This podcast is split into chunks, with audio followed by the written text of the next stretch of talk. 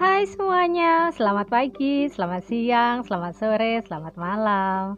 Hadir dengan saya, Desti Memarista hari ini. Saya akan sharing tentang yuk melek literasi ekonomi bagi para milenial bareng iFast by DJPPR Kemenq. Mari gabung dengerin ya, ini untuk kita.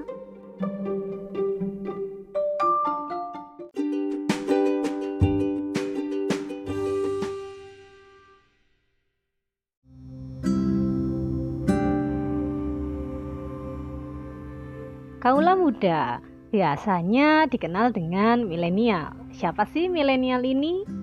Mereka lahir di tahun 1981 hingga 1997, termasuk saya. Karakter pertamanya apa? Mereka suka keseimbangan yang kita kenal dengan istilah work hard, play hard.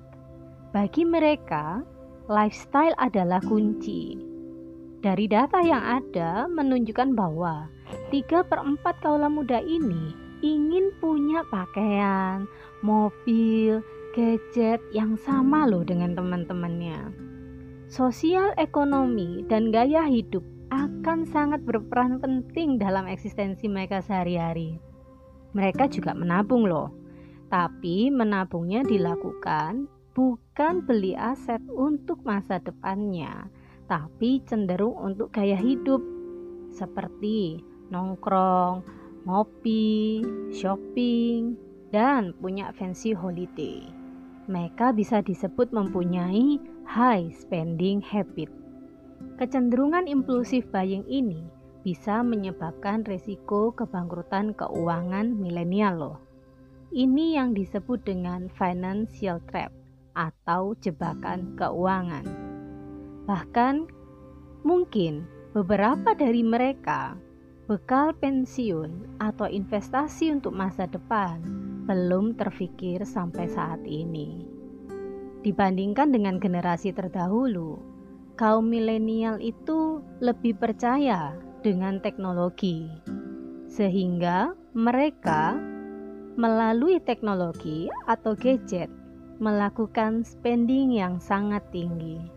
That's why fintech yang harusnya dimanfaatkan secara optimal pada kaum milenial ini cenderung digunakan untuk impulsif buying yang bisa mengganggu personal finance management practices dari yang mereka punyai.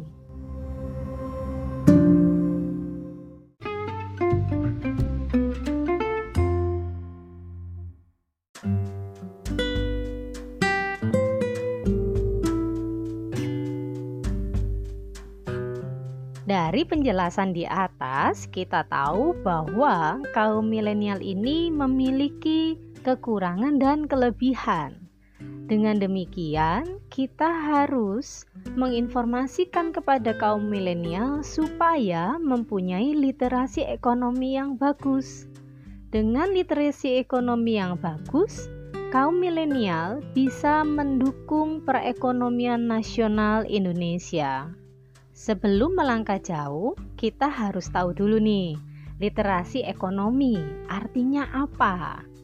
Menurut OECD tahun 2016, literasi ekonomi adalah mengetahui dan memahami atas konsep risiko keuangan dan pengelolaan keuangan.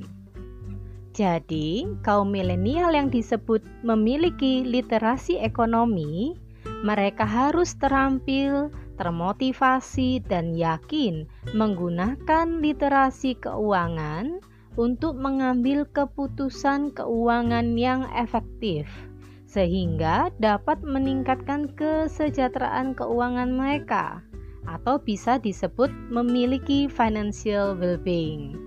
Dengan seperti itu, kaum milenial bisa berpartisipasi di bidang ekonomi.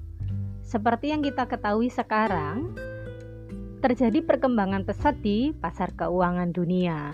Jadi, kaum milenial harus peduli dengan literasi ekonomi, khususnya di pengelolaan keuangan seperti keputusan pendanaan, investasi, dan kebutuhan operasional keuangan sehari-hari. Seperti yang kita ketahui, kondisi perekonomian saat ini sedang kontraksi. Ketika terjadi pandemi COVID-19, sejak bulan Maret 2020 melanda Indonesia, kita kaum milenial perlu sekali meningkatkan literasi ekonomi. Karena kalau pada saat ini milenial salah ambil keputusan keuangan, maka akan ada konsekuensi negatif yang luar biasa. Kok bisa sih ada konsekuensi negatif yang luar biasa? Ya, karena kondisi perekonomian kita sedang tidak stabil. 1. Pertumbuhan ekonomi di kuartal kedua tahun 2020 Indonesia itu minus 5,32 persen. Kemudian mempunyai global risk condition 66 persen pada tanggal 20 Maret 2020 Artinya bahwa ketika kita berinvestasi, risiko yang dihadapi sangat besar. Sehingga pada saat kita mengelola keuangan dengan tidak baik, risiko yang dihadapi sangat amat berbahaya. Bahkan, Bank Indonesia menurunkan bunga BI 7 day repo rate menjadi 4% supaya ekonomi lebih bergejolak lagi, investasi lebih digalakkan lebih tinggi lagi. Sehingga apa artinya? Kalau kaum milenial sekedar memiliki literasi ekonomi, sekedar menabung saja, pada kondisi saat ini bunga menabung sangat kecil, sehingga uang yang dihasilkan oleh milenial tidak akan bertumbuh maksimal sehingga daya beli kaum milenial ini akan habis termakan inflasi, biaya administrasi, dan gejolak ekonomi. Kalau kita cek data dari OJK, di Indonesia hanya 38% penduduk yang memiliki well literate. Artinya apa? Hanya 38 orang yang disurvei oleh OJK memiliki pengetahuan keterampilan, dan kepercayaan yang memadai mengenai produk dan layanan keuangan di Indonesia. Dengan kata lain, artinya belum sepenuhnya masyarakat Indonesia berpengetahuan ekonomi yang cukup untuk memiliki produktif finansial, kenal dengan produk keuangan, dan kenal dengan jasa keuangan. Bahayanya adalah jika kaum milenial cenderung tertarik pada konsumerisme dan memilih investasi yang salah, misalnya investasi bodong. Tentu saja, hal itu sangat berbahaya.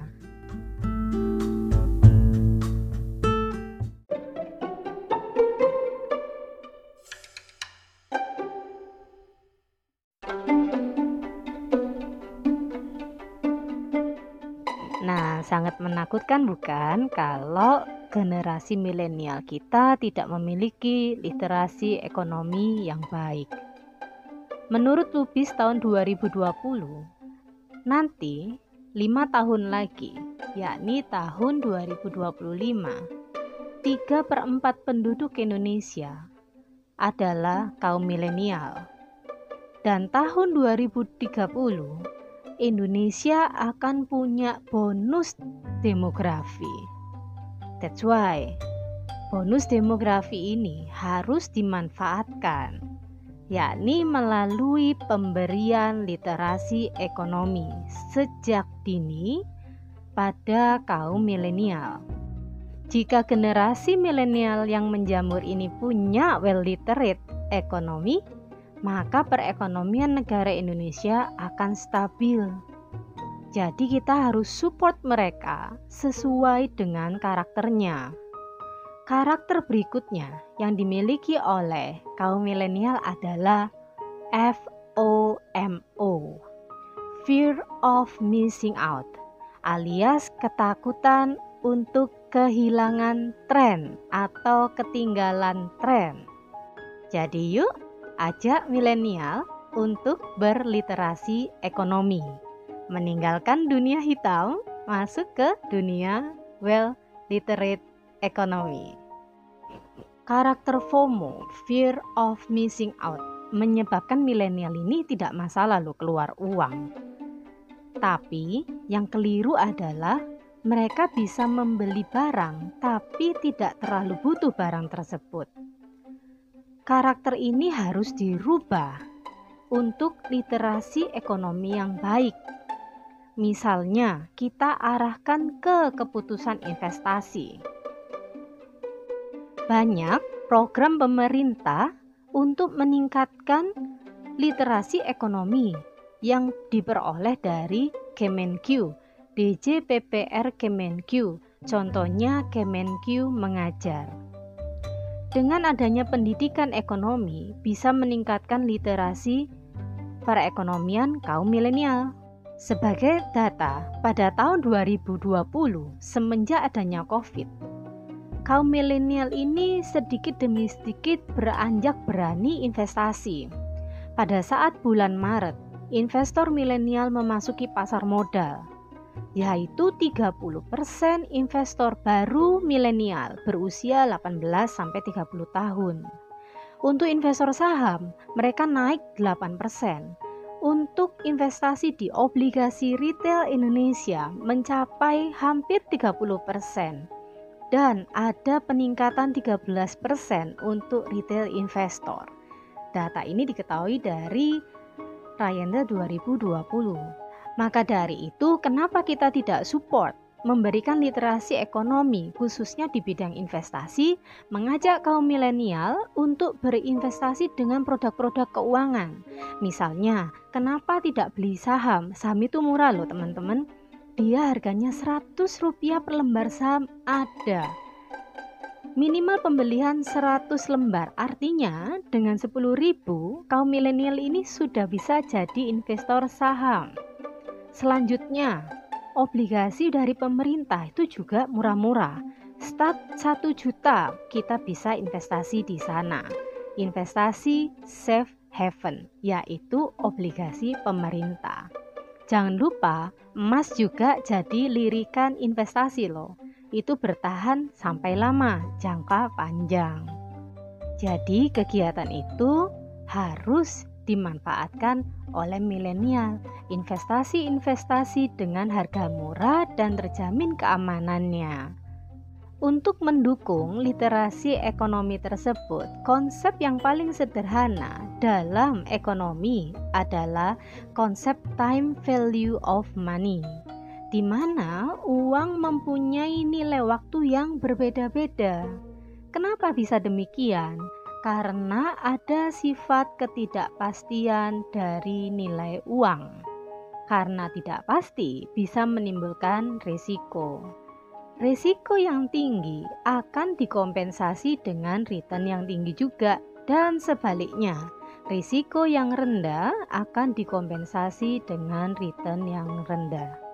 Sangat mudah kan belajar tentang keuangan?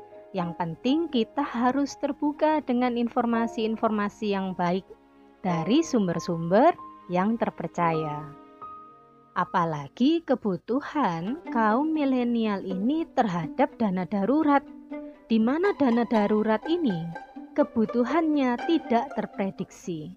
Jadi, setiap orang harus menyiapkan dana darurat sejak dini. Jadi, jangan sampai ketinggalan ya informasi tentang literasi ekonomi. Diupdate dan diupgrade literasi ekonominya supaya kita mempunyai kesejahteraan finansial. Jadi, kaum milenial dengan karakteristik YOLO, you only live once. Mari kita nikmati hidup ini tanpa perlu terlalu khawatir tentang masa depan.